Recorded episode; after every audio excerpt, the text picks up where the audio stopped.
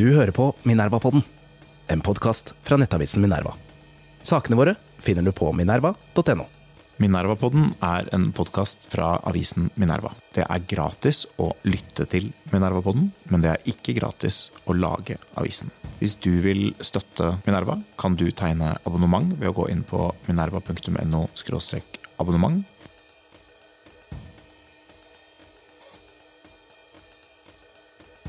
Velkommen som abonnent. Velkommen til Minerva-podden. Jeg er Alexander Ibsen, nyhetsredaktør i Minerva. Og dagens episode er viet spørsmålet om koranbrenninger. Et brennhett tema, om jeg kan tillate meg en litt lettbent formulering. Med meg har jeg forfatter og samfunnsdebattant Halvor Fossli. Halvor, du er en kjenning av de fleste av våre lyttere og lesere. Du gir ofte gode og kritiske analyser, helst med et konservativt anslag. Jeg ble derfor litt overrasket over at du nå virker å være åpen for å begrense retten til å brenne koraner. Jeg leser nå høyt fra en av dine velbegrunnede Facebook-poster. Debatten blir skrudd til slik at man enten er for eller imot ytringsfrihet. Enten er man på parti med demokratiet, eller så løper man islamisters ærend. Det er fordummende, ja, antiintellektuelt. Halvor, Velkommen hit, først og fremst. Eh, tusen takk. Et spørsmål til deg da er La oss snu litt på det. At bøker lovlig brennes i et land, er det tegn på stor ytringsfrihet? Eh, ja, min spontane tanke er at eh, det er ikke et tegn på eh, en god ytringskultur eller, eller en eh, sikker, en, en sikker og, og rasjonell situasjon for ytringsfriheten. Så jeg tenker heller motsatt, at i kulturer og land der eh, bøker, og inkludert hellige skrifter, brennes eh, hyppig og av mange, det, det, er ikke et land jeg ønsker å, å, bo i. Og jeg tror ikke det er et land som eh, har sterk, et sterkt vern av ytringsfriheten. Så Dersom man bruker forekomsten av bokbrann som et kjennetegn på, ytringsfrihet, så tror jeg Eh, rent empirisk så ville du da ikke, du ikke få med deg eh, mange demokratier i, i en, eh, dersom du har en, den type inngang da, til, til, ytringsfrihet. Så kjennetegnet på ytrings, et, et, land med god ytringsfrihet er jo at eh, debatten er velordna. At, at, den er administrert på en, på en, trygg og god måte, slik at folk føler seg eh, ta, ivaretatt eh, og får lov å, å mene og skrive og tenke eh, tegne det de har lyst til, i en sånn forvissning om at eh, ingen kommer og, og, skader det etterpå. Og For å forstå hvor, eh, hvor alvorlig tenker du på et samfunn hvor man eh, brenner bøker i stort omfang? Altså er, tenker du helt tilbake til eh, Heinrich Heine som profetisk skrev i 1923 at der hvor man brenner bøker, ender man med å brenne mennesker. Er, vi, er det den frykten, eller er det mer at et samfunn hvor man brenner bøker og hellige skrifter, er et samfunn som ikke uh, har respekt for um, symbolikk, for uh, verdier som andre holder uh, høyt? Det, er jo viktig å skille mellom bokbrann, eller bokbrenning, da, som er initiert av enkeltpersoner, og, og bok, bokbål, da, som er initiert eller støtta av myndigheter og makt maktgrupper. Så eh, jeg har jo f.eks. For stor forståelse for at eh, både eksmuslimer og iranske flyktninger brenner Koranen som et symbol på eh, sitt velbegrunna hat mot uh, islamske regimer da, som har uh, drept og lemlesta f.eks. Uh, familiemedlemmer i Koranens navn. Så det, det, det, Jeg har ikke noe problem med å forstå det, det skillet. Og, eh, men spørsmålet er jo om koranbrenning eller bokbrenning generelt er, et, er en ytringsform som peker framover mot en, eh, en, en, bedre eh, ytringskultur og ytringsfrihetssituasjon, eller om det er et tilbakeskritt. For Når jeg tenker på ytringsfrihetens historie, så er det jo ikke bokbrenning som har Eh, skapt eh, den nåværende situasjonen i den vestlige verden. Det er jo tvert imot eh, retten til å utgi bøker og ikke få de brent, som har stått bak sosiale og politiske og vitenskapelige framskritt. Så, så jeg, jeg, ser på bokbrenning som, en, som et virkemiddel da, som er egentlig fremmed for eh, de landene som har utvikla ytringsfriheten i størst grad. Det er, jo en, det er jo en interessant eh, utvikling bare hvis du ser i det norske lovverket, hvor eh, vi har grunnlovsfestet ytringsfrihet, paragraf 100. Eh, I dag så er ordlyden at ytringsfrihet bør finne sted, mens opprinnelig var det jo trykkefrihet som burde finne sted. Mm. Men jeg forstår jo på det at det er ikke helt i eh, det er ikke samme eh, Du trekker den ikke helt der hvor Karsten Jensen, den norske forfatteren, skriver i sommer at de som brenner Koranen er nazistenes arvtakere. Det er jo en fryktelig krass spissformulering. Men du anerkjenner et en forskjell på om det er privatpersoner som i en uttrykksform gjør dette, eller om det er myndighetene som eh, i en slags eh, dramatisk sensur går inn og begynner å brenne eh, visse typer bøker. Ja, det er en veldig viktig forskjell. og jeg, jeg følger ikke Karsten Jensen i hans eh, litt sånn velkjente apokalyptiske tilnærming. Da, for han, han, han, ser jo litt på den vestlige verden som at den er i fare for å, å bli overtatt av først høyrepopulister og, og deretter av, av høyreekstreme. Og så til slutt så blir liksom, demokratiet avvikla.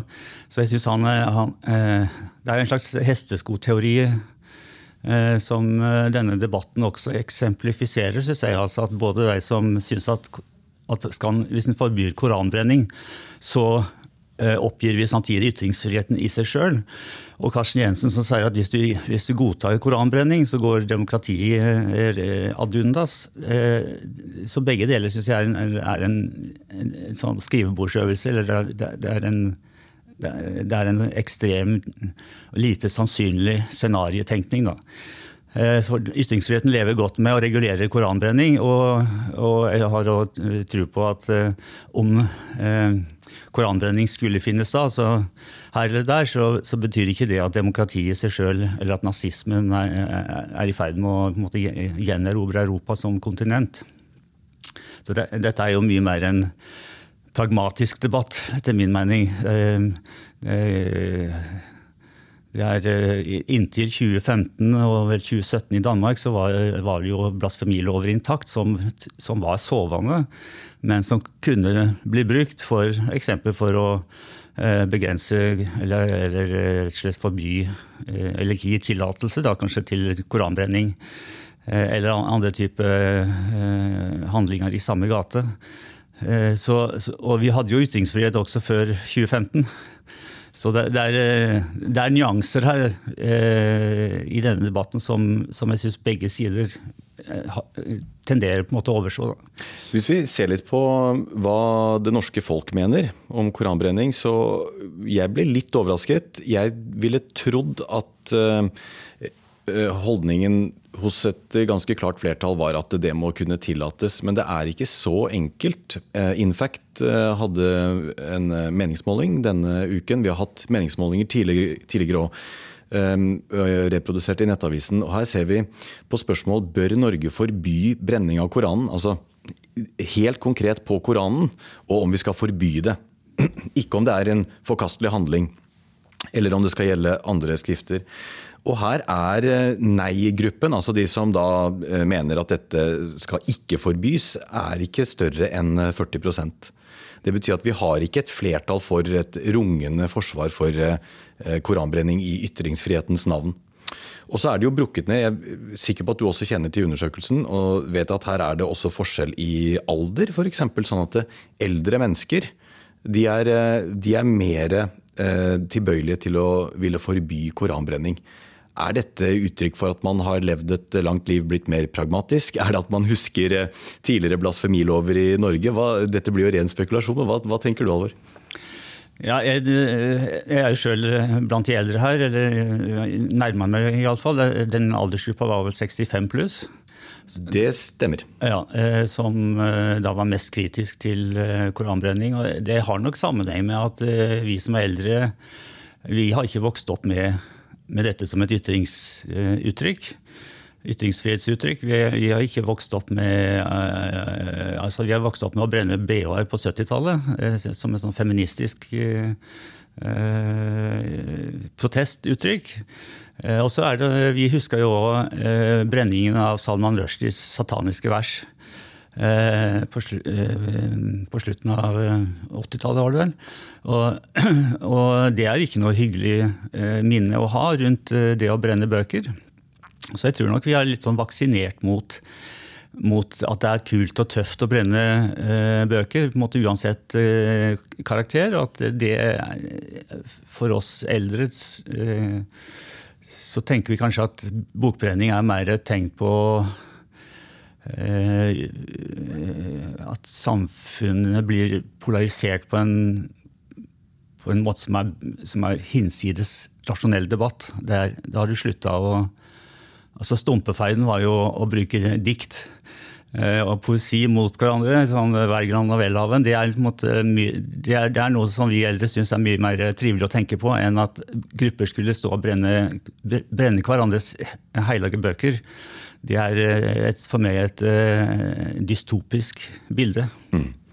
Det er også andre interessante ting i den undersøkelsen nettopp viste til, at, som i hvert fall overrasker meg litt. og det er at at det er eh, det er både landsforskjeller og kjønnsforskjeller, men typisk eh, mer imot å forby eh, koranbrenning.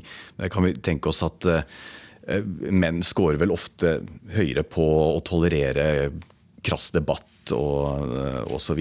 Men det er nå i hvert fall eh, tingenes tilstand som de er nå. Men, eh, eller hvis vi skal tro undersøkelsen, hvordan det norske folk eh, ser på det. Men en som har eh, engasjert seg ganske interessant i debatten, og som er en, eh, veldig god eh, stemme i disse spørsmålene, er jo juristen Anine Kierulf. Og hun går jo gjennom i en Aftenposten-kronikk på hvilken måte dette er en ytring. Altså en koranbrenning er en ytring. Det er også en handling. Det er begge deler. Og det er ytringsdelen som er skjermet i lovverket. Og hun viser til en litt Eh, et godt dilemma her, og det er det hun kaller for voldsmannens veto. Altså for Grunnen til at vi det hele tatt diskuterer dette, her, er fordi at det avstedkommer så sterke motreaksjoner når eh, Koranen brennes. Og Det må vi være ærlige på å si. Det gjelder ikke i samme grad hvis du hadde brent Bibelen, f.eks. Eh, den, den, har blitt harselert med i så mange tiår, og der er det eh, knapt nok noen reaksjoner. Men voldsmannens veto, som hun viser til, er, eh, som, hun, som, hun, som jeg skal sitere henne på her nå, er skal de som har størst kapasitet og vilje til å bruke ulovlig vold, få bestemme grensene for våre mest grunnleggende demokratiske friheter. Altså skal de som reagerer sterkest, få bestemme når ytringsfriheten innskrenkes. Mens alle andre som bare blir eh, krenket og provosert, men ikke utagerer, får jo ikke eh, noen de, de, får, de, får, ikke gehør for sine bekymringer. Er ikke det et dilemma? Jo, det er, et opplagt eh, dilemma. Et veldig velkjent dilemma også. Jeg tror det er, det er viktig å slå fast at ytringsfriheten i, i prinsippet selvsagt ikke skal være avhengig av eh, av at du er mektig nok til å si, eh, beskytte din ytring sjøl. Altså det, det, er ikke sånn at, eh, at, det er de mektige eller de med, med de største våpnene som skal ha ytringsfrihet, mens alle andre ikke har det. Så I en ideell verden både nasjonalt og internasjonalt, så er det klart at eh, ytringer og makt må holdes fra hverandre. Eh, så det prinsipielle her er jo veldig enkelt. Eh, og så Hvis en går inn i det mer konkrete tilfellet, da, så både våre individuelle ytringer er jo avhengig av at vi føler oss trygge. Altså Vi ytrer oss jo ikke på en, på en fornærmende eller krenkende måte midt på natta eh, om islam hvis du møter en, eh, en gjeng eh, muslimske ungdommer eh, som er ute etter lommeboka di. Eh, altså, I mange situasjoner så må vi bare følge eh, det som heter å tenke fort. Thinking fast. altså bruke kroppens egen reaksjonsform, da.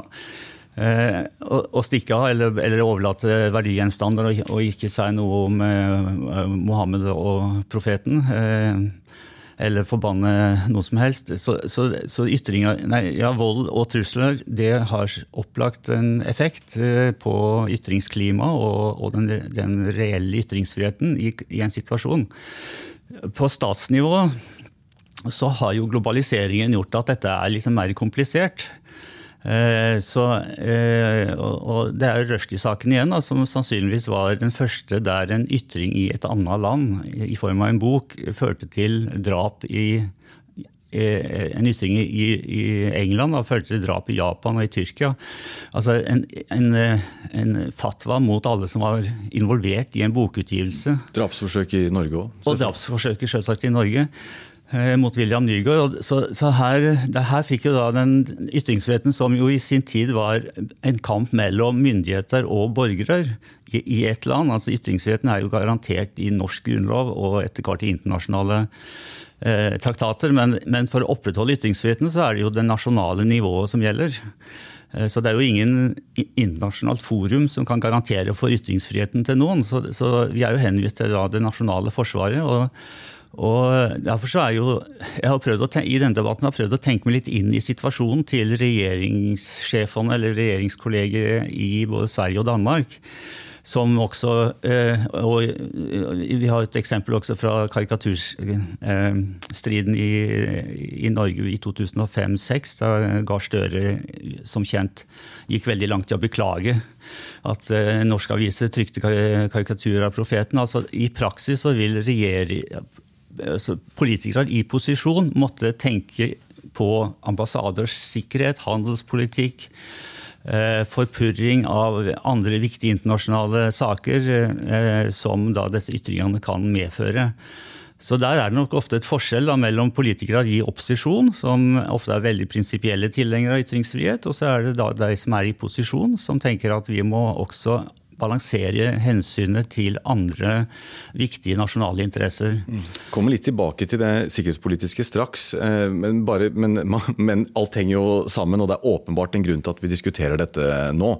Eh, Sian har, eh, har, jo eh, gjennomgående holdt sine koranbrenninger, typisk med større politioppbud enn støttespillere og en del motdemonstranter. Så det har jo gått hele tiden. Men denne sommeren er det jo sikkerhetspolitiske grunner til at spørsmålet melder seg. Men du nevnte karikaturstreden også. og det, det jo, Dette er jo en debatt som dukker opp med jevne mellomrom. og Tilhengere av ytringsfrihetsargumentet vil vel vise til at det er nettopp når det kniper at man må stille opp for eh, ytringsfriheten.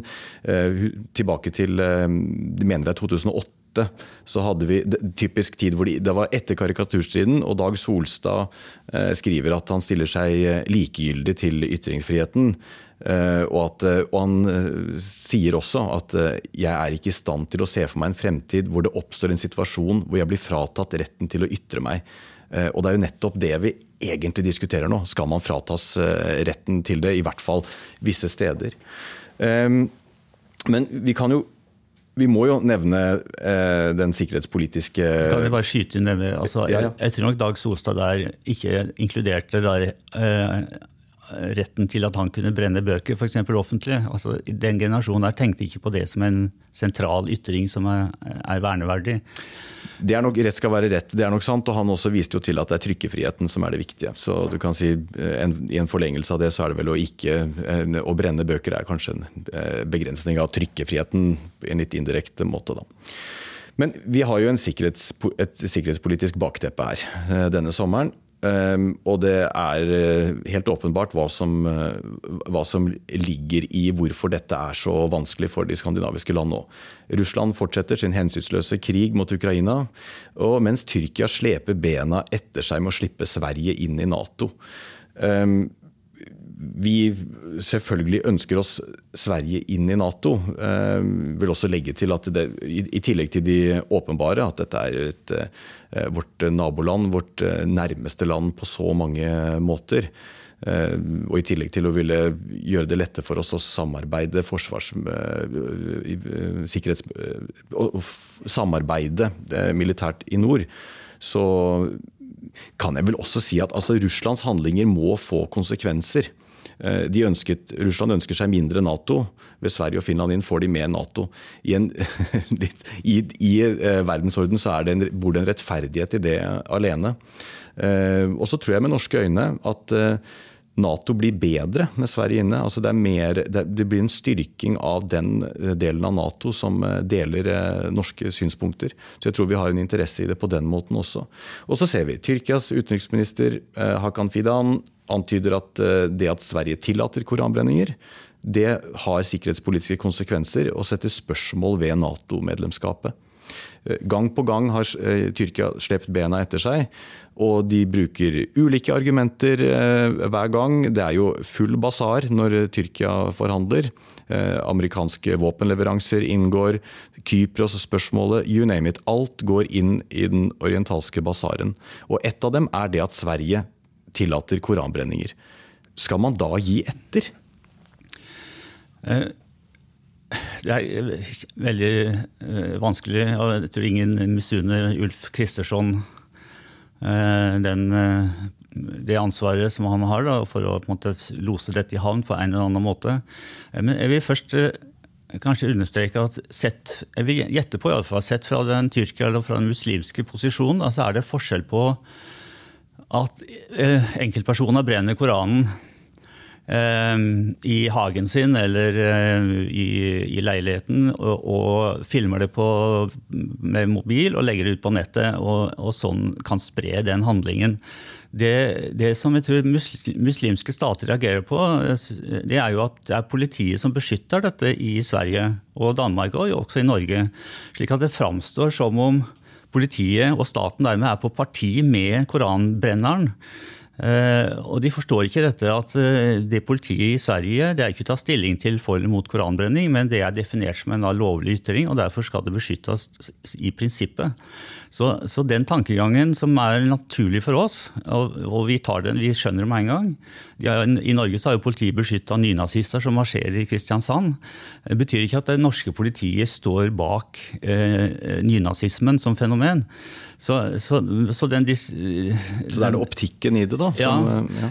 ja. Så, så, i den islamske verdenen, som ikke har ytringsfrihet, ikke trosfrihet heller, eh, så, jo, så tenker de jo annerledes på dette. Eh, og ser, og ser, på en måte, Det de ser, er at det svenske politiet beskytter de som brenner og, og håner Koranen.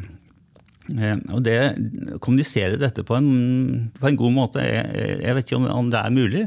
Og da er jo da spørsmålet om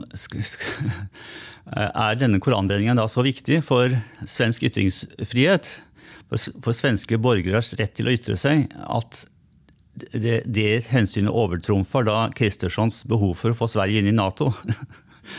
Så det, det, er jo et, og det spesielle med Sverige er jo også at det er jo ikke en svensk statsborger som brenner Koranen, men en, en Det er det vel òg. Ja, det, er vel, altså, det er jo også en spesiell ting ved det hele. Da, hvem, vi nevner Danmark, Sverige, ulike land. I Danmark er det jo litt eh, enklere. Der er det Paludan eh, som, som står for brenningen. Han er jo eh, etnisk dansk og en ganske spesiell skikkelse i den danske partifloraen.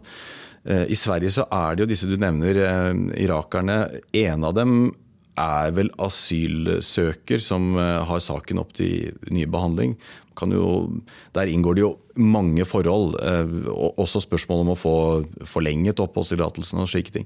Han andre har vel fått, har blitt svensk statsborger, og han skal brenne neste uke og har fått tillatelse til det.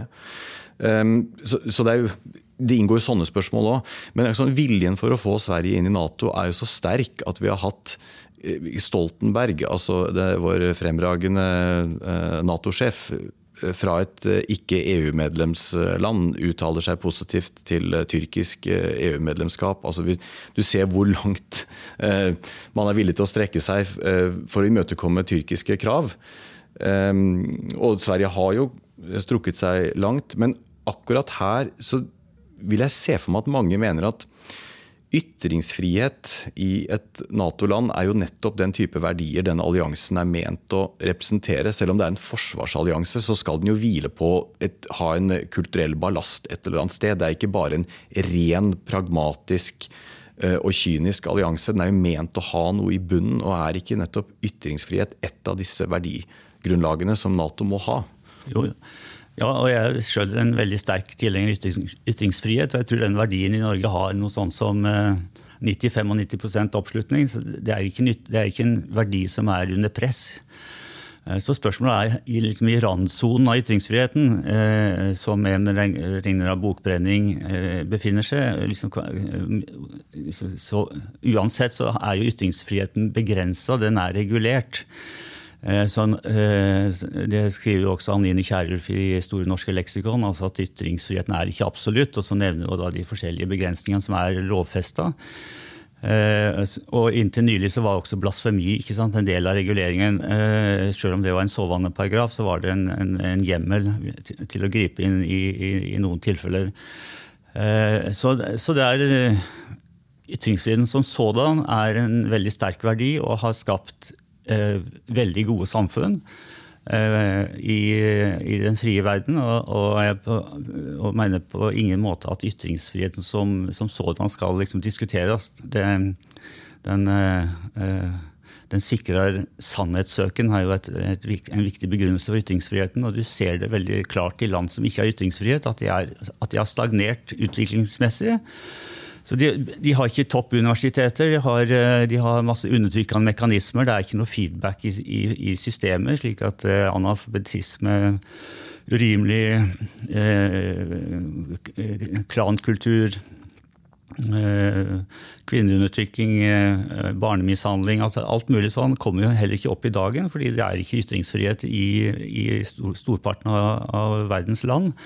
Og, eh, og, men alt, alt, dette er ikke avhengig av å brenne bøker. Altså Ytringsfrihetens fruktene av ytringsfrihet ligger ikke i retten til å brenne bøker. Tvert imot retten til å skrive bøker, kritiske bøker og artikler, og holde flammende taler og innlegg.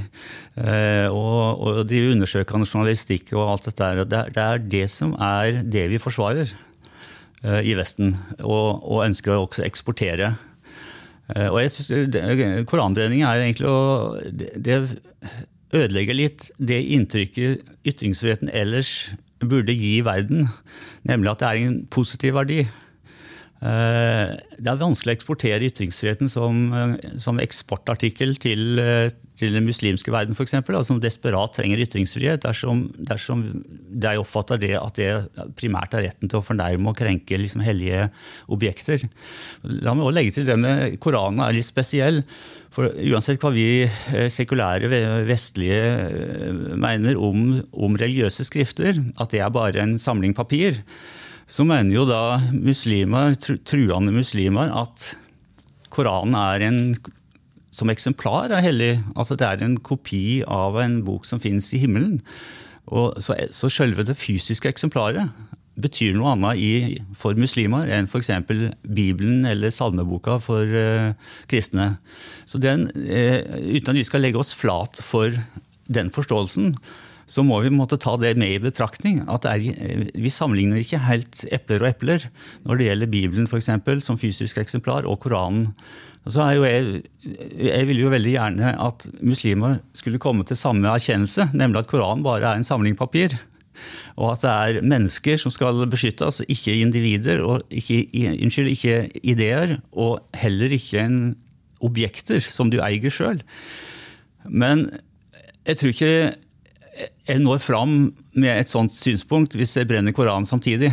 Altså, da stopper den kommunikasjonen, og du får, kommer ikke i noe slags tillitsforhold til en, til en uh, muslimsk motdebattant da, hvis, hvis, det er at du starta med, med, koranbrenning. Så du må på en måte først få muslimer til å endre syn på Koranen, og, og det skjønner jeg jo er veldig, veldig vanskelig.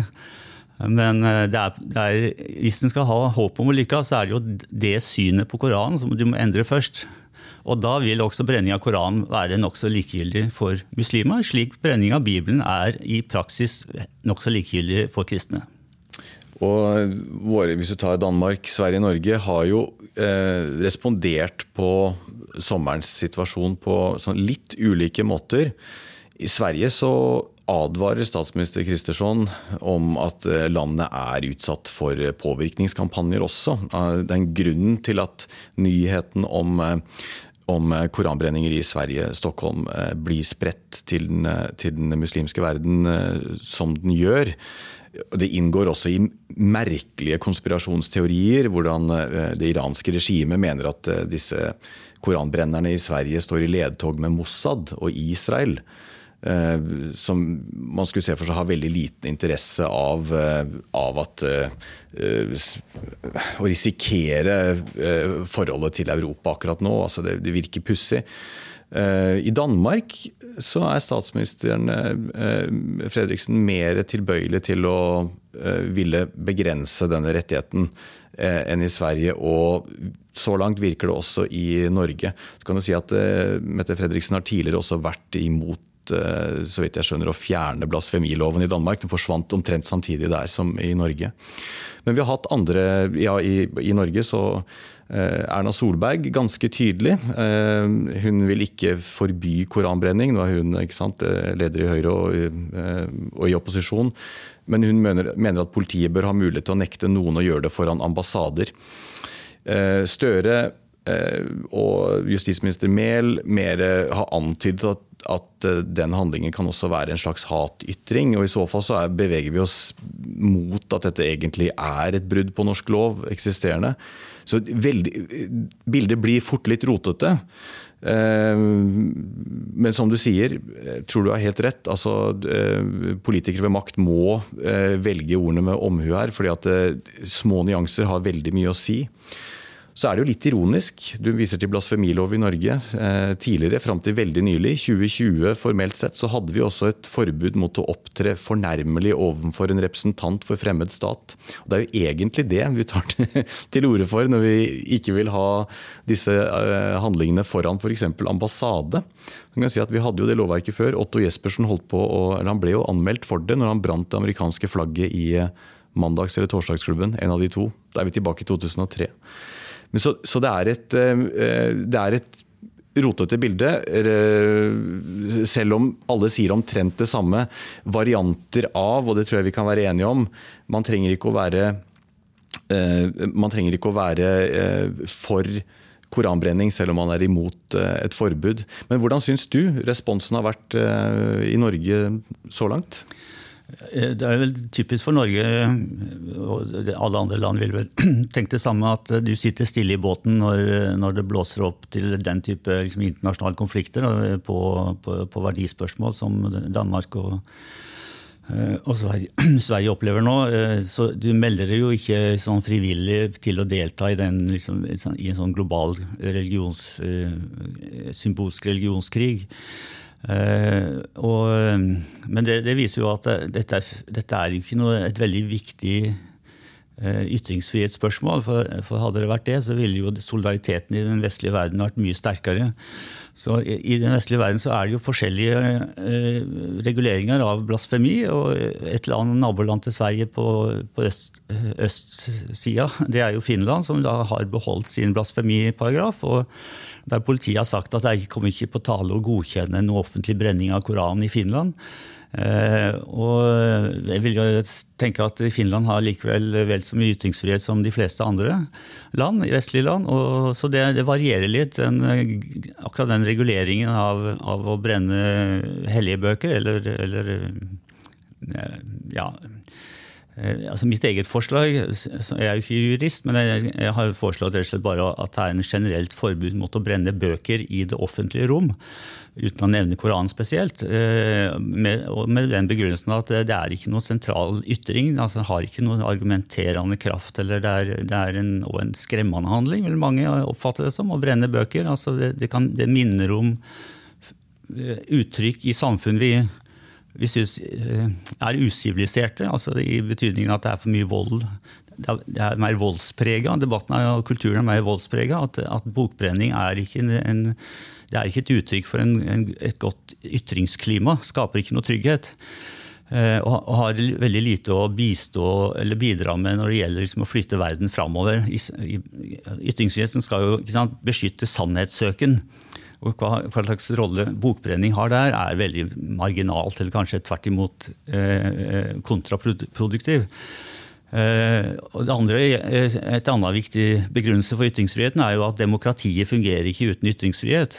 Og Der igjen så er bokbrenning også et helt marginalt bidrag i en politisk opplyst debatt. Så De to hovedbegrunnelsene for ytringsfrihet har utelukker egentlig brenning av bøker som, som noe sånn sentralt virkemiddel. Så er det eh, og, og, har tvert imot kan, kan tvert imot kanskje skape en, en stemning av frykt og, og utrygghet eh, i, for folk som har lyst til å ytre seg. Så, så det er sånn jeg resonnerer rundt rundt bokbrenning generelt. Da, og, og, og syns at folk som forbinder bokbrenning med måtte, at det er et slags sånn dronninguttrykk for ytringsfriheten. Det er liksom det ypperste du kan tenke deg, og hvis det faller, så faller alt. Som en slags sånn dominoteori. Eh, det, det mener jeg er en eh, nokså illusorisk Tenker du likt omkring flaggbrenning som det? Ja, jeg syns heller ikke det er noe viktig. Altså, vi har vel alle sånne bilder av nyhetsinnslag fra Midtøsten der de brenner alt mulig flagg og dukker og Salman Rushdies bok og sånn. Jeg, ser ikke på den form for protest som attråverdig. Jeg syns ikke vi skal Nei, men du har jo nærme oss den, den, eh, legale statusen, eller heller særlig ikke den liksom, praktiske statusen. altså det, det, som faktisk skjer da, i folkemengder som driver med, med, med brenning av ting offentlig, det er, det, det er ikke derfor Vesten har utvikla Eh, produktive og rike og velordna samfunn. Men eh, vi ser nå, etter eh, siste fullskala invasjon i Ukraina, så i Norge og andre land i Vesten så har det jo vært bruk av demonstrativt sette opp ukrainske flagg foran russiske ambassader. I Oslo så er vel plassen foran den russiske ambassaden omdøpt til Ukrainas plass. Dette er jo også veldig enkle ytringer, kan man jo si. Altså, litt som en koranbrenning på den måten at det er ikke veldig langt resonnement bak det. Men likevel så stiller du deg kanskje annerledes til det? Vet ikke. Altså, det, er en ja. solidarisk eh, markering. Ja. Så, eh, og solidariske markeringer har vel egentlig ikke behov for ytringsfrihet, eller faller litt på sida. Eh, så jeg vet ikke. Men det er, det er vel ingen som har foreslått å forby den type liksom, solidariske markeringer. Eh, For å nå fram til en Første, første mai-toget er full av palestinske flagg. Altså det, ja. det, er, og det er, også, det er lett å finne fram til eh, å sette på spissen eh, vanskelige situasjoner. Og det er det vi skal gjøre helt avslutningsvis, Halvor. Noen ytringsfrihetsdilemmaer som eh, vi forholder oss til enkelt med ja og nei, hvis det går an.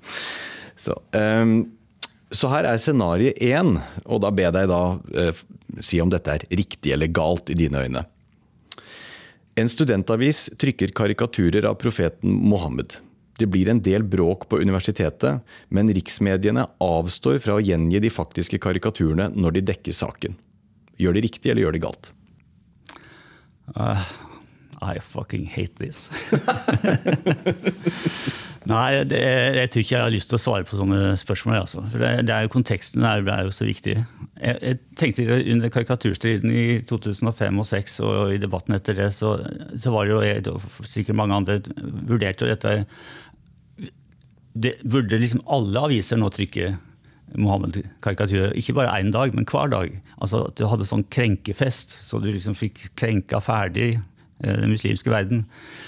Eh, og jeg tror han har gått bort fra det. Altså, vi må leve med at i den islamske verden så har de et annet syn på trykkefrihet eh, og, og ytringsfrihet og blasfemi. Og så må vi på en måte forholde oss litt klokt til det. Og Derfor så er det kontekstavhengig.